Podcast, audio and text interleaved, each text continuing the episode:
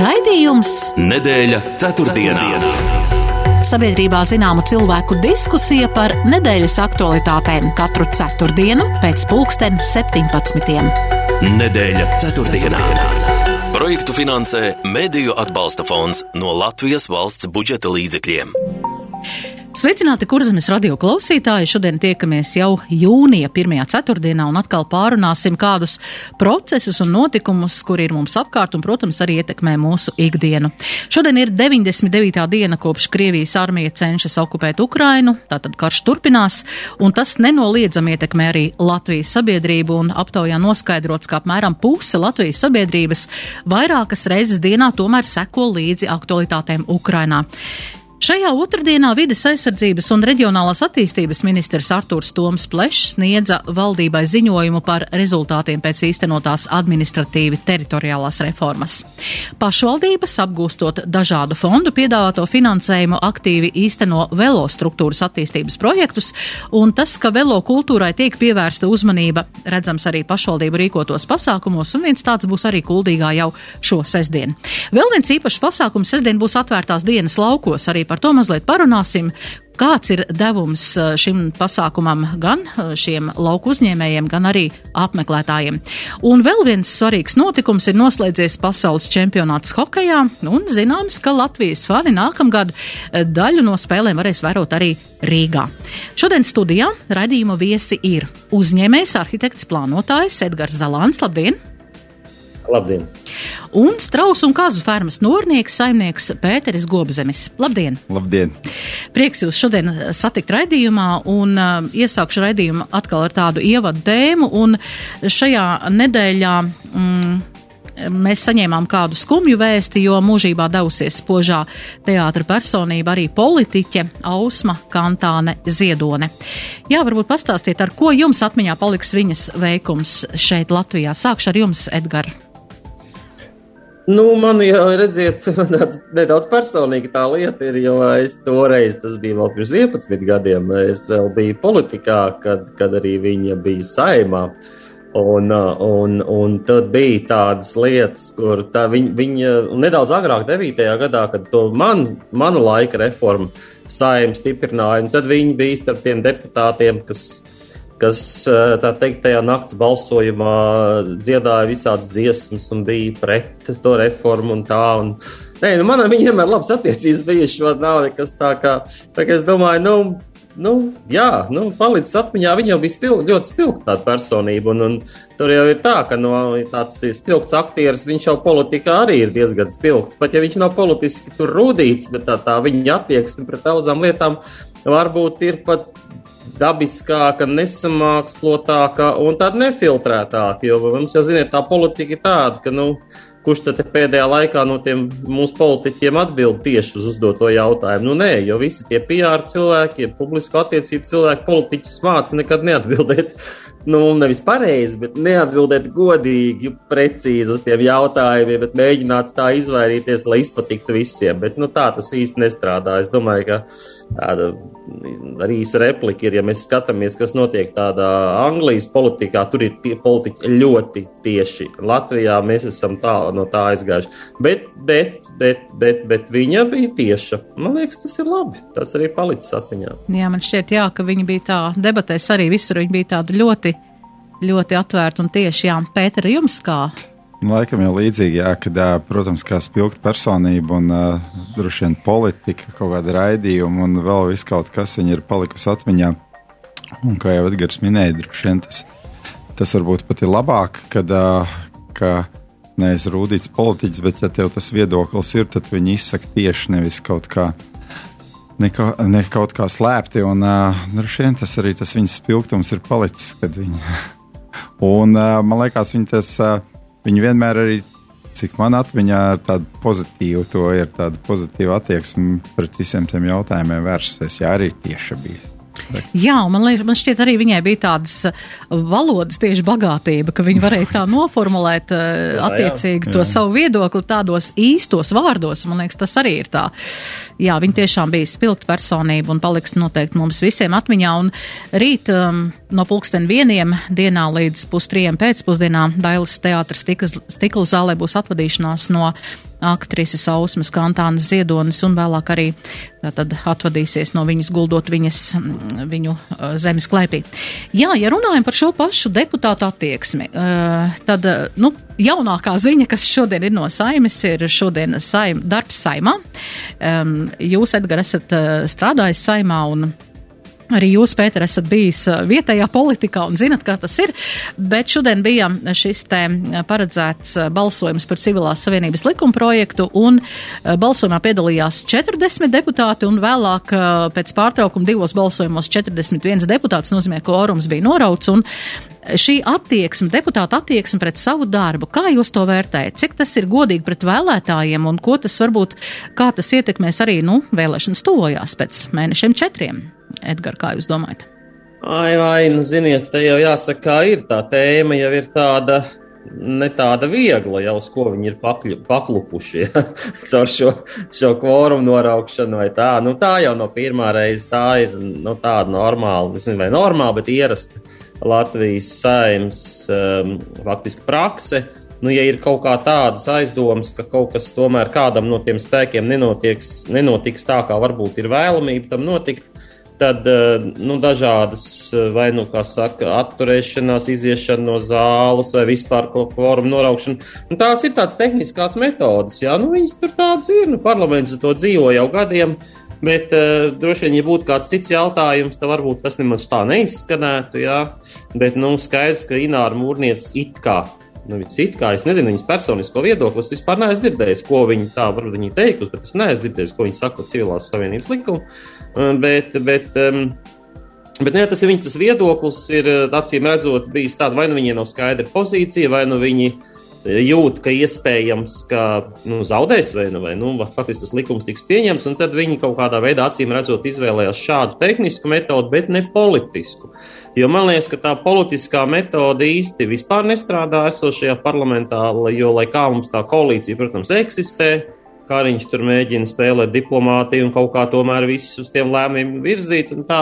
Bet, bet kopumā politiskā tā platforma katrai partijai jau iekšēji ir diezgan sadrumstalota. Nē, nu, pilnīgi mēs zinām, ka attīstībai partija aizstāv šo likumu. Nacionāla apvienība kā pret, bet nu, kas ir konservatīvie, kuriem būtu jābūt pret, tie tā kā nemaz nav pret, tie patiesībā pat stimulē. Uh, nu, pa saskaņu, labi, viņi ir opozīcijā, jā, vienotība, tur, man liekas, dalās tās balsas, kopējais viedoklis tā kā ir pār, bet es nešaubos, ka kāds ir arī pret, jo, jo tomēr vienotība nav tik, labi, parlamentā viņi tur ir pārstāvēti varbūt ar redzamākiem centrālās partijas darboņiem, ja tā varētu teikt, bet ir jau vēl cēs un kuldīgi, un, un, un, un ko tad iedomā par šo, jā, kā nu, jaunās vienotības sastāvā esoši. Ja? Nu, tas, jau, tas, vispār, tas jautājums ir sarežģīts, normāli neizrunāts. Tas ir būtisks lēmums, eh, bet viņš, eh, nu, kā lai pasakā, negribu to tēmu baigi izvērst, te var gar runāt. Bet, nu, ja jau, ja jau tā pavisam godīgi, nu, tad, ziniet, vajadzēja to jau vispār nekādu civilās savienības likuma projektu neskatīt. Jo, jo nu, tas jau ir slēpts, tas ir slēpts, lik, tas ir tāds slēpts, it, it kā slēpts gājiens, bet visi jau redz, kas tas ir. Un tas ir pēc būtības par eh, vienu partneru nu, laulībām, laulībām un civilu. Tā civil savien, civil savienības likums, un tas tā kā tāds tāds pussolīts tajā virzienā, bet nu, tā tu, un arī tāds racionāli domājušs cilvēks, tā kā es, kas principā neatbalsta tās vienzimuma laulības, bet par tādu civilo savienību, nu kā, nu kāpēc neļaut cilvēkiem, nu, nodibināt tādas, ja reiz viņiem tāda orientācija un vēlme, un viņi tur, kā saka, viss notiek, kāpēc viņiem neļaut tās attiecības nostiprināt, lai viņi ir, kā saka, tādi paši kā pārējie, kuriem ir iespējas šās, nu, tur jau visādas mantiskās un, un visādas lietas. Ja? Bet, eh, bet mēs esam dzirdējuši, ka it kā esošā likumdošana jau to atļauj. Es tādu plašu izvērstu skaidrojumu patiesībā es nedaudz tam piesakoju, bet dzirdējis neesmu. Un man liekas, viss tas nu, tāds, ne tāds purviņš, ap visu šo tādu purvs, kurā katrs tur kaut kā mēģina nobalansēt, saglabājot gan savu vēlētāju, gan arī nu, mēģinot noformulēt pozīciju Laikam tur īsti nesanāk viņiem pieturēties, ir ūdens vai kaut kā tādu normāli peldēt, un tāpēc viņi tur kaut kādus tehniskos tehniskos paņēmienus izmanto, bet tas jau nenoņem to jautājumu no dienas kārtības. Nu, labi, šodien nē, kas būs nākošais nedēļa? Jā, jā par to jau stāsts. Ko tev ilgs līdz vēlēšanām, vai kāds tas būs tas jā, stāsts? Jā?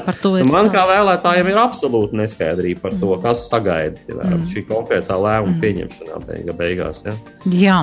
Nu, es te vairākiem arī raidījumu viesiem esmu jautājis, vai tas būtu referenduma jautājums, Pēter, kā jūs domājat?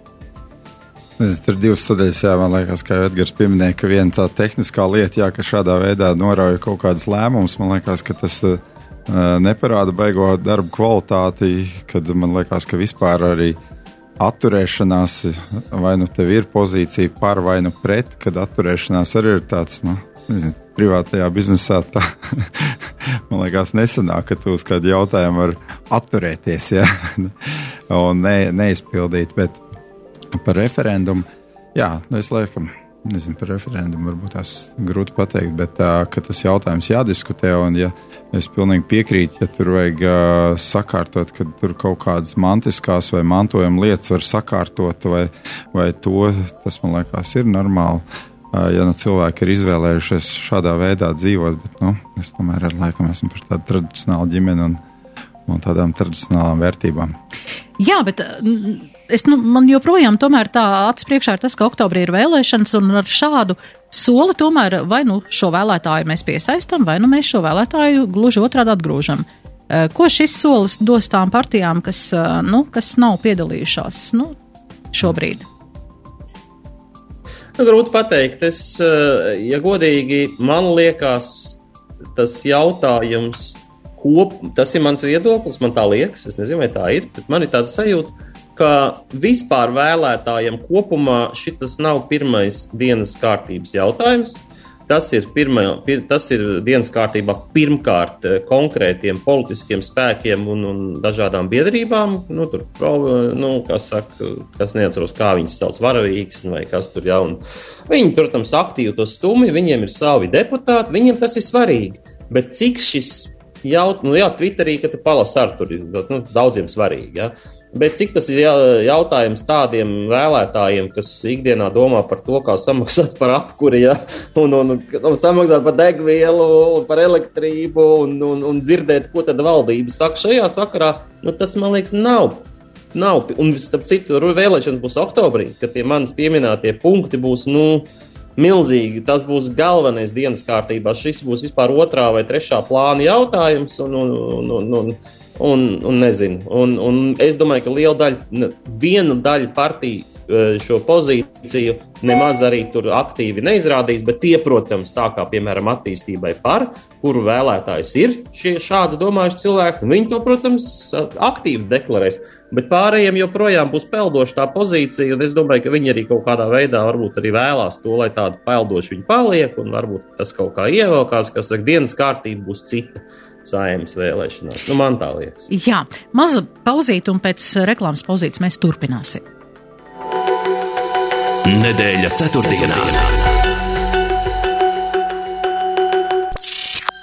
Piedāvājums saimnieciskās darbības veicējiem. Mēs esam aizdevums LV. Mūsu mērķis ir atbalstīt tevi tavos dzīves plānos. Mūsu jaunums - ekokredīts, radīts taviem plāniem, energoefektīvu iekārtu, atjaunojamo energoresursu un ilgspējīga transporta iegādē. Ekokredīts ir aizdevums līdz 20 000 eiro ar procentu likmi no 5,88% gadā. Sāc saimniekot ilgspējīgi kopā ar aizdevums LV ekokredītu. Aizdevums LV - droša izvēle!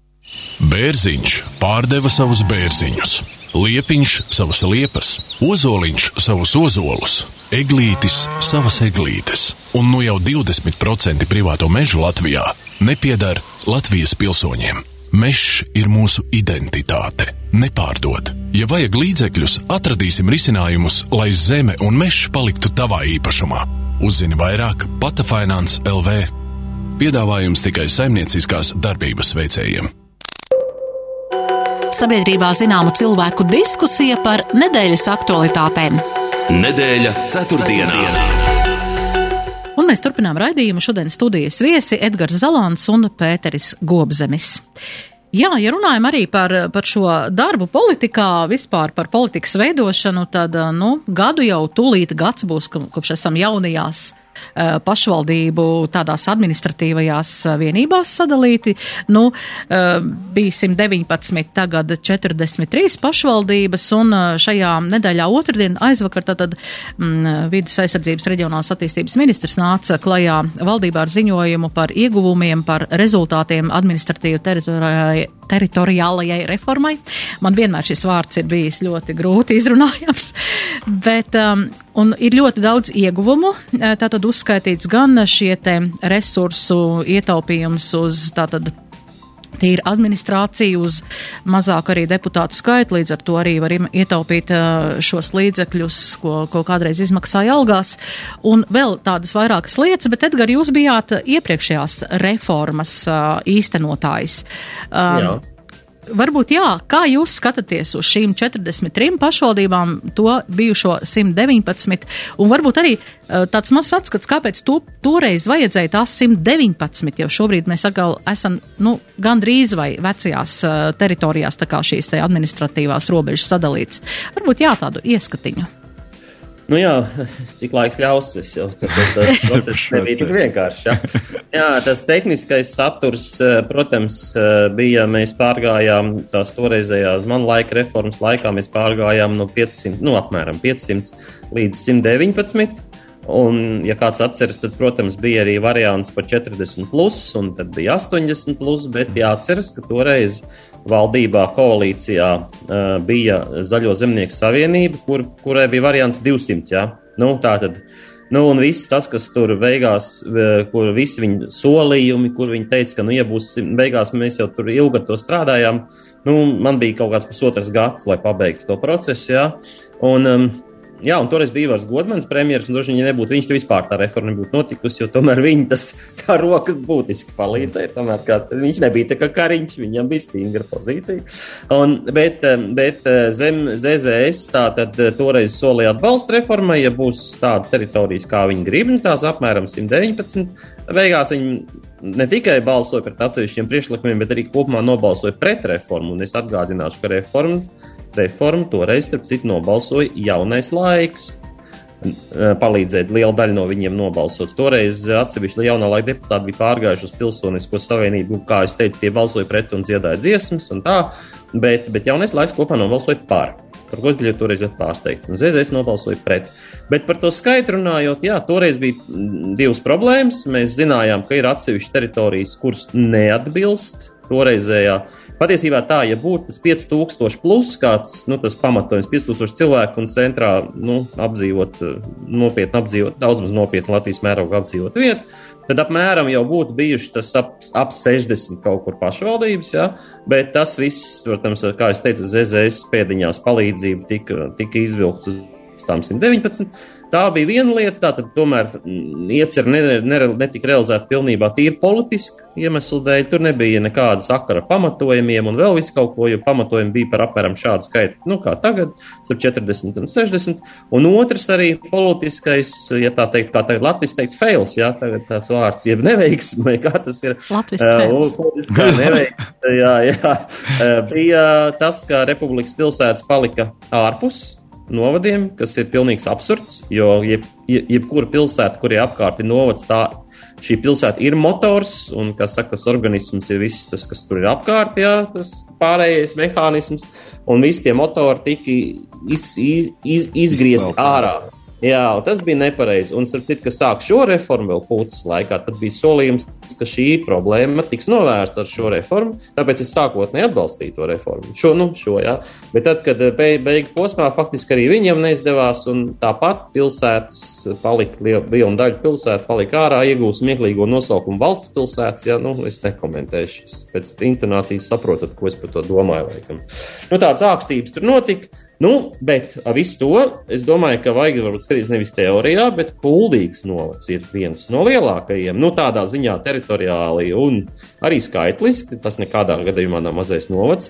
Nu, kuldīgs novadam cilvēkiem pašiem ir iespējas redzēt, kas notiek mūsu novadā, kā mums iet kopā ar skrundu un ko katrs iegūst vai zaudē.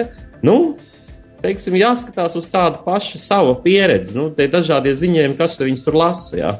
Nu, skaidrs, ka ir naudas ekonomija, bet jautājums ir, kas ir saturs. Ja? Jo jebkuru cilvēku interesē tieši saturs, ko viņš iegūst vai zaudē. Un to tad es domāju, nu, viens gads ir pa īsu, lai to novērtētu, bet kaut kādā četru gadu periodā es domāju, ka rezultāts katrs uz savas ādas kaut kādā veidā izjutīs. Jā, jā, nu, te, protams, būs globālās problēmas, jā, visu energoresursu pieaugumu un vēl viss kaut kas, un tas nav tāds pat novada jautājums.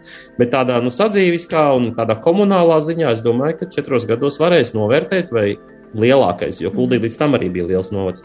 Vai, vai vēl lielāks novads eh, labi strādā, vai nē? Un jā, es atgādināšu, ka viens no reformas tiem sākotnējiem, nu, uh, rajonu padomus tika likvidēts. Tad rajona padomus kā politiska, ja pašvaldības institūcija, jau bija praktiski nolikvidēta 97. gadā. Viņa bija tāda daļēji politiska, vairs tikai palikusi. Ja? Mm. Nu, bet nu, viņi, viņas tika likvidētas ar domu, ka maksimums svars ir jānes tuvu Un visi lēmumi jā, maksimāli jāpieņem tuvu iedzīvotājiem un nevajag tur divas pašvaldības līmeņus.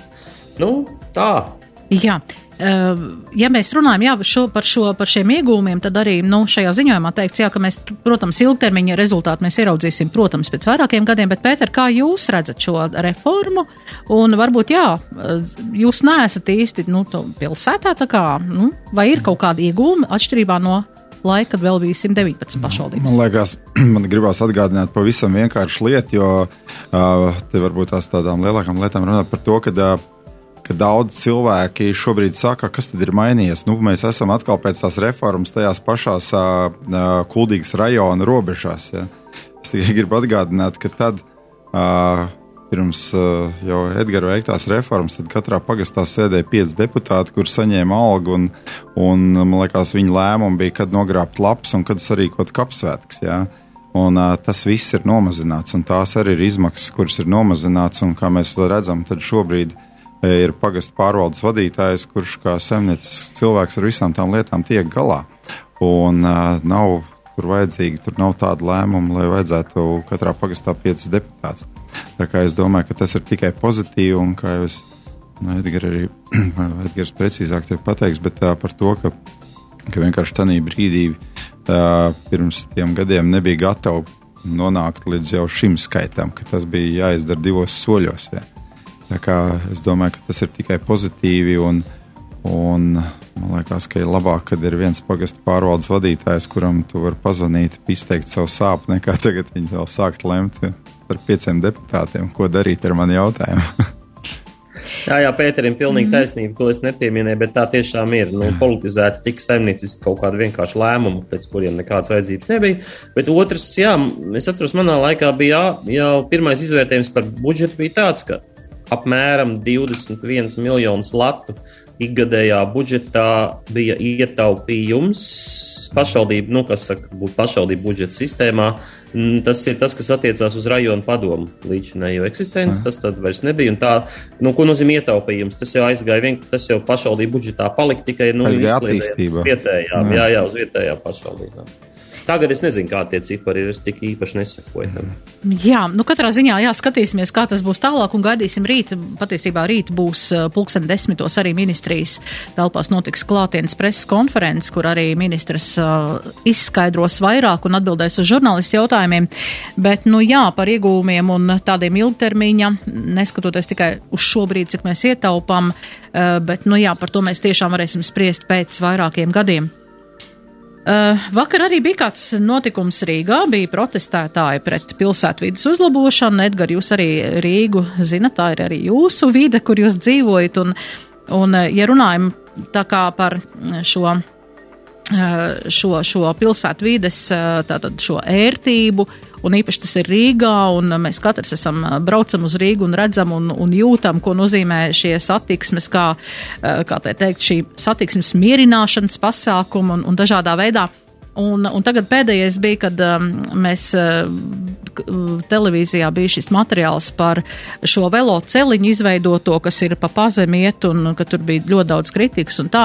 Jūs esat arī plānotājs un um, kā jūs redzat, kas šobrīd Rīgā notiek, jo kopš uh, ir nomainījusies Rīgā uh, pašvaldības vadība, uh, ir ļoti daudz jaunumu un ļoti daudz arī kritikas. Kā jūs vērtējat šo? Vispār arī, nu, velo, velo kultūru kā tādu, tādā pilsētā kā Rīga un, un ne tikai Rīgā, varbūt par velo kultūru mazliet vēlāk, bet tieši par šiem notikumiem, jā, par šiem um, plānojumiem. Es atbildēšu neizvērst uz pirmo jautājumu, kā es vērtēju. Tātad man atbildi ir negatīvi.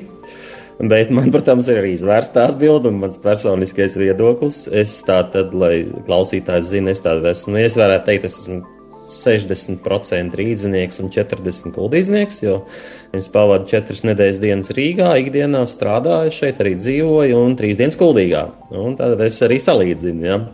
Eh, ko, ko dara Kuldīga savam mērogam atbilstoši, ko dara Rīga savam mērogam atbilstoši. Uh, un jāsaka tā, ka daudziem, kāpēc ir šādi protesti, kur šobrīd parādās, tāpēc, ka tie Rīgas vadu, vadoņi, kur tika ievēlēti, solīja visāds brīnums nu, saviem šiem uh, neautobraucējiem, teiksim tā, ja, kas ir lielā mērā viņa atbalstītāji. Nu, diemžēl šos brīnumus realizēt izdevies vai nu smieklīgi, vai nu nesakarīgi, un tā tālāk. Un tā tālāk.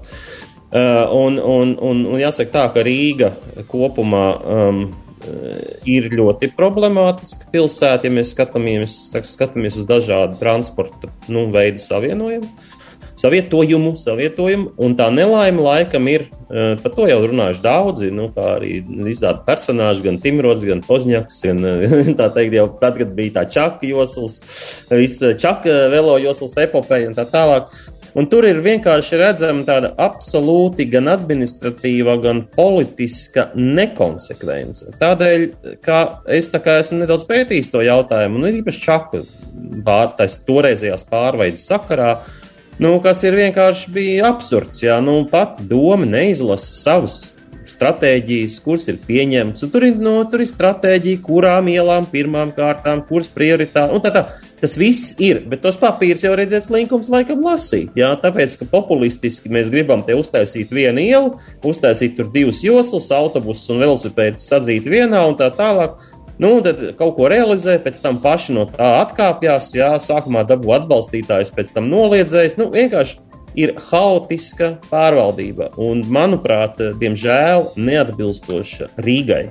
Rīgai kā, kā, kā pilsētai, kuri pelnījusi, manuprāt, daudz vairāk. Ja tāpēc, ka um, daudz cilvēku, kas ir progresīvi, mūsdienīgi domājuši, viņi jau ne tikai brauc ekskursijās uz dažādām nu, tālām valstīm, viņi atbrauc uz Viļņu.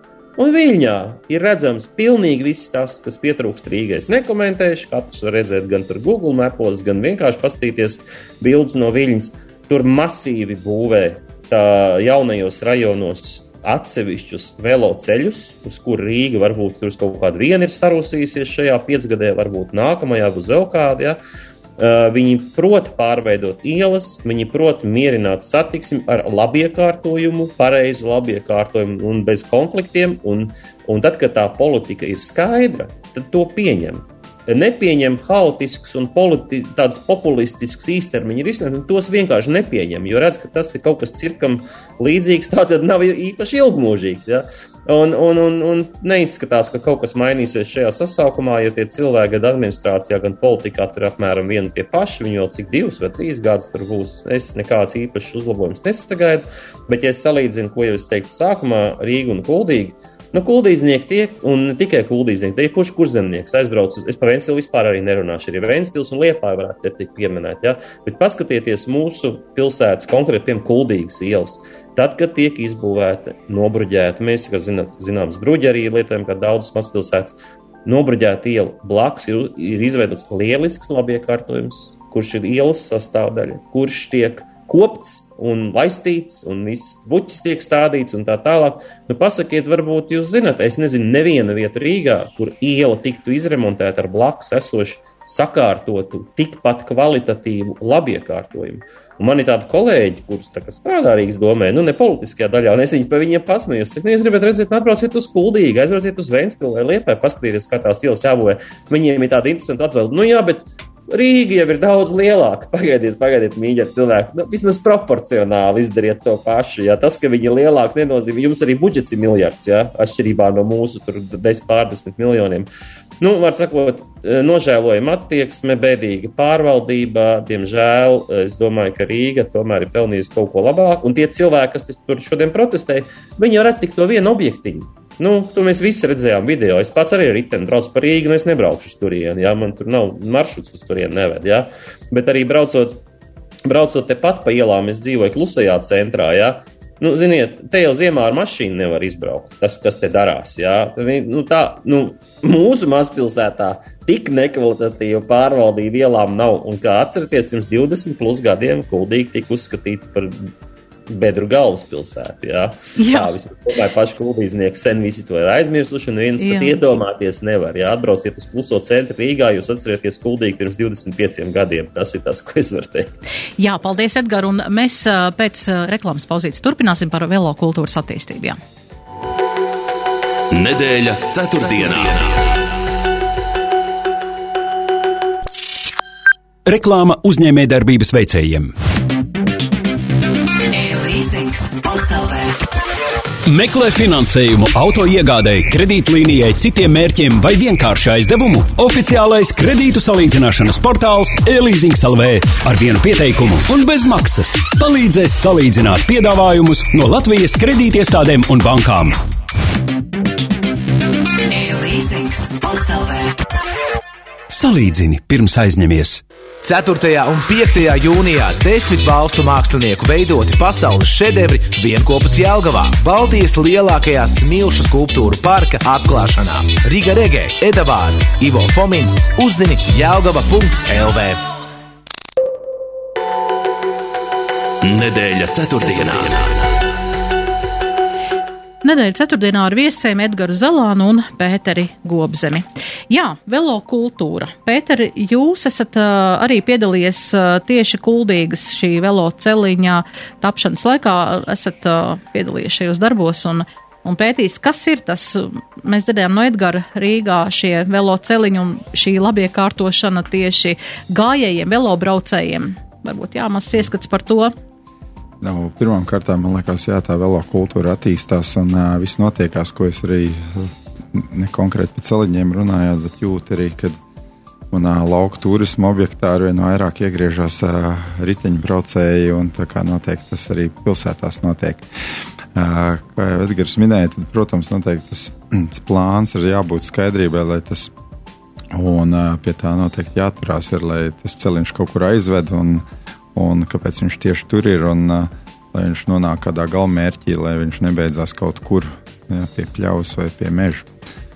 Un, uh, jā, tas noteikti tā ir, kad arī man liekas, viss tā veloceliņa lietošana un viss tas, ja tā apkārtējā vide ir vairāk sakārtota un norādīt, ka tas nav tikai viena vien strīpa kaut kas, tad jau viņš tā kultūra tur veidojās visā tajā.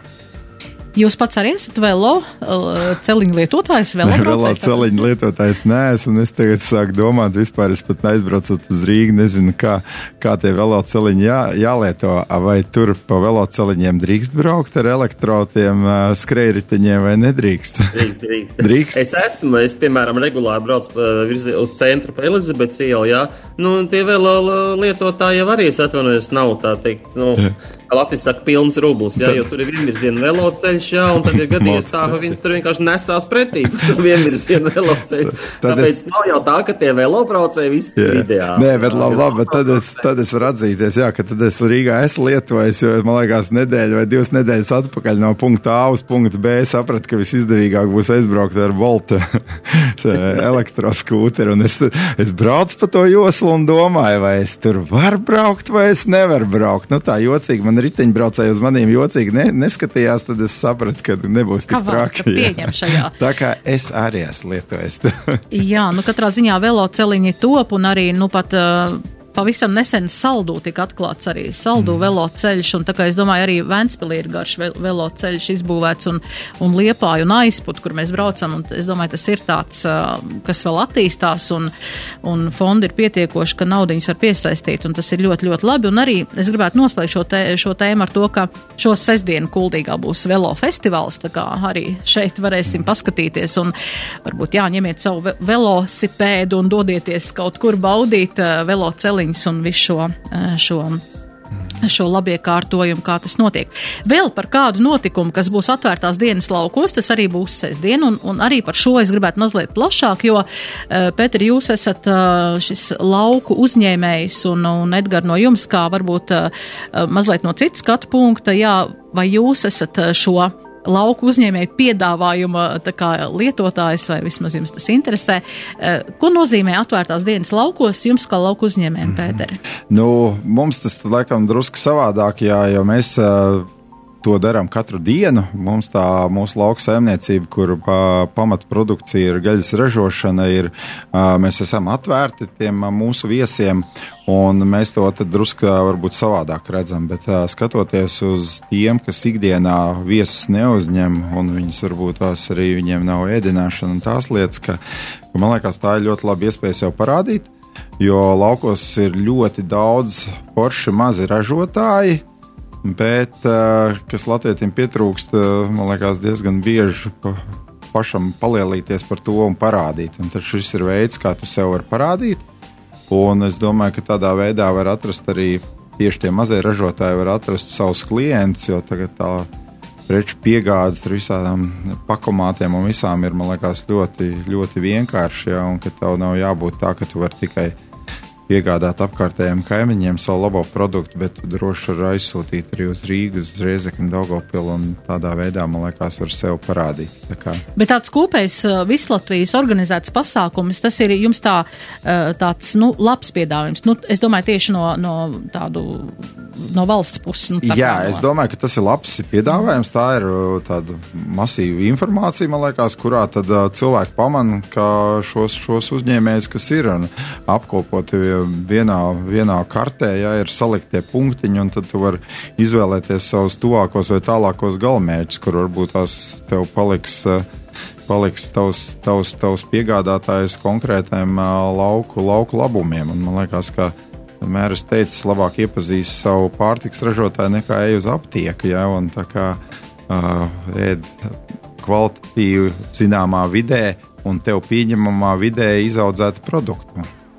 Jā, Edgars, jūs varbūt par, par šo 227 vietas Latvijā būs atvērtas sestdien, atvērtās dienas laukos. Vai jūs esat kādreiz bijis tādā pasākumā un, un cik tas Nē. ir svarīgi Rīgas cilvēkam? Nē, nē, esmu. Nu, jā, šajā lauka lietās es neesmu tikai Rīgas cilvēks. Man ir uh, ilgs gads, es esmu bijis konsultants būvniecības jautājumos uzņēmuma ogres piens. Tas ir viens no lieliem Latvijas piensaimniecības uzņēmumiem, radīts gandrīz tikpat kā no nulles 2011. gadā. Tā es zinu, kas laukos notiek. Jā, nav jau tā, ja? vai arī lielajās lietās. Bet, bet jā, šis, nav, šis jau nav pasākums par lielajiem uzņēmumiem. Jā, jā, šis ir jautājums par to, cik mūsu tam dzīves stilam nu, patīk jau visiem tie lauki. Jā, un tie rīznieki arī jau visu tā jaunatni grib dzīvot Rīgā, bet vienlaicīgi laukos, tāpēc viņi tur tā kā kalnciem kvartālā grib, kur mazāks mājas nekā lielās un vide citādāk un tā, un patīk viņiem kalnciem, tirgus jaunais un viss. Ja bāgens, kā viņš tas āgens kalns.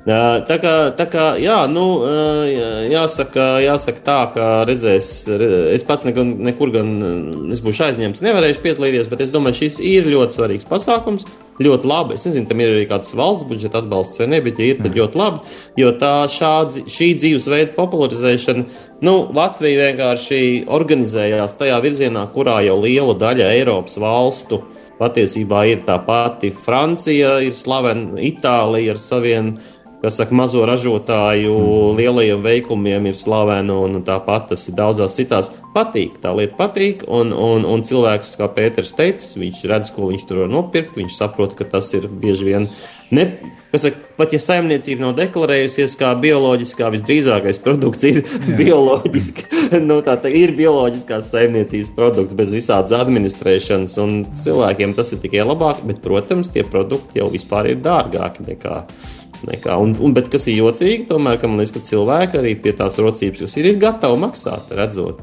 redzot, kā tas produkts top, kur tas top un kas tas ir. Tas nav ievests no kaut kādas attālas valsts, ka tas tomēr ir tas, ko cilvēki joprojām ir gatavi samaksāt. To jau arī rāda tirgus. Ja? Aiziet uz tirgu kuldīgā, jūs arī citur redzēsiet, tur jau tie viena daļa produkti ir dārgāk nekā, nekā veikalā, bet tāpat pērk un pērk tie paši pensionāri. Jā, tas ir svarīgi, tā ir svarīga mūsu dzīves sastāvdaļa un, manuprāt, ļoti labi, ka tas Jā, notiek. es domāju arī par to, ka uh, jūs minējāt Franciju un, un varbūt arī, jā, Itāliju, vēl kādas valsts, bet man liekas, eh, ka tur tas ražotājs arī ir tāds uz āru vairāk vērts. Man liekas, ka latvietim ir tas, ka viņš tā vairāk, nu, nu tāds klusāks ir uz to Jā, jā, tas- savu Jā, produktu tur, ir tāda, tur ir vēl viena lieta. Viņš ne tikai uz ārā vērsts, bet, nu, jāsaka, kā ir eh, tajā pašā, nu, vispār netīm nepienot šīs konkrētās valsts, bet tie mazie produktu ražotāji bieži vien tās ir nevis desmitgažu tradīcijas, bet gadsimtu tradīcijas un nu, daudzu desmitgažu tradīcijas. Tāpēc tas brands ir kaut kāds tur attīstījies, jā, un, un viņam šiešām, nu, viņš ir, kā saka, viņam ir iespējas kļūt arī izkļūt ārpus tās valsts. Ja. Mēs jau daudz esam tādā sākotnējā stadijā un ļoti mazām partijām ražojam, tāpēc nu, skaidrs, ka mēs nevaram izskriet ārpus valsts un to ļoti veiksmīgi pārdot uzreiz. Bet tiem mazajiem pilnīgi pietiktu arī jau parādīt sev tajā valstī un uh, nodrošināt arī konkrētam, varbūt tās vienam uh, vai privātam klientam visu laiku to, to savu produktu piegādu vai, vai pāris ļoti labiem restorāniem. Jā, bet tā ir tā problēma, ko mēs redzam arī no restorāna puses, jā, kad bieži vien ir, ka tas mazais ražotājs ir īsti nesaprot, kas restorānā notiek. īsti nesaprot, ka restorāns nevar paņemt tev visu, varbūt tās visu to aitu vai kazu vai strausu, ka viņam vajag konkrēts gabals. Un, un tās ir tās lietas, kas ir jāmācās. Un tie restorāni, kas ir ļoti atvērti, ir uh, pret maziem ražotājiem, bet viņiem vismaz gribās, ka tu vari vienu vai ziemas sezonu vai vasaras sezonu to produktu nodrošināt un vienādā kvalitātē. Tā kā es domāju, labiem produktiem uh, ar pārdošanu nav problēmas. Ir tikai tā kā druscītņās arī mums, tiem mazajiem ražotājiem, ir jāsaprot, ko tam restorānam vajag un saprast tās viņa vajadzības. Un tieši tāpatās arī par privātajiem klientiem, ja kādreiz mārketingā man liekas mācīja, ka ļoti svarīga ir vieta, tad šobrīd man liekas daudz svarīgāk ir labs produkts un, un arī mūsu klients, ja, kas, kur mēs atrodamies nosacītā nekurienē, ja, pārsvarā ir rīznieks, liepainieks, un viņi brauc pie mums, un viņu atrod mums, un draugi ir izstāstījuši. Un, kā, uh, viņi brauc tos 150 km, brauc tos 4 km pa grantīti, vēl dažreiz nopukojās, kad ir bedraināks, bet uh, cenšamies viņus tā. Uh, Palutināt, ja viņi gribas, viņiem gribās atgriezties. Viņi atgriežas gan ziemā, gan vasarā.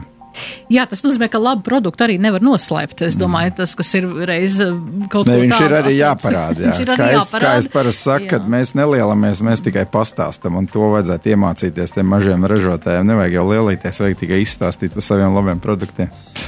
Jā, nu katrā ziņā mums ir, diemžēl, radījuma laiks nonācis līdz pēdējām minūtēm, un um, nepaspējam izrunāt par kādām vēl tēmām, ko, kas bija iecerēts, bet nu, es ceru, ka mēs tiksimies kādā no nākamajiem raidījumiem, no kādām nākamajām reizītēm, kad mums būs nedēļa ceturtdienā.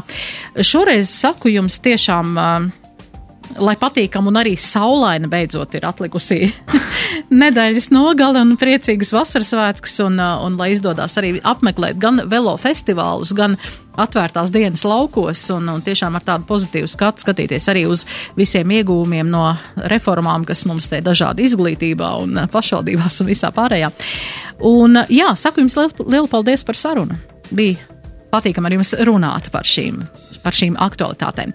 Tātad šodien redzījumā piedalījās uzņēmējs, arhitekts, plānotājs Edgars Zalāns un Strauss un Kazu fermas nūrnieks, saimnieks Pēteris Gobzemis. Pie skaņu pults bija mana kolēģe Adelīna Anna Ziemele un redzījuma producente Anda Andersone. Redzījuma vadījies Dace Blūma un uz tikšanos turpmāk. Raidījums Nedēļa ceturtdienā. Sabiedrībā zināma cilvēku diskusija par nedēļas aktualitātēm katru ceturtdienu pēc pulksten 17. Nedēļa ceturtdienā. Projektu finansē Mēdīju atbalsta fonds no Latvijas valsts budžeta līdzekļiem.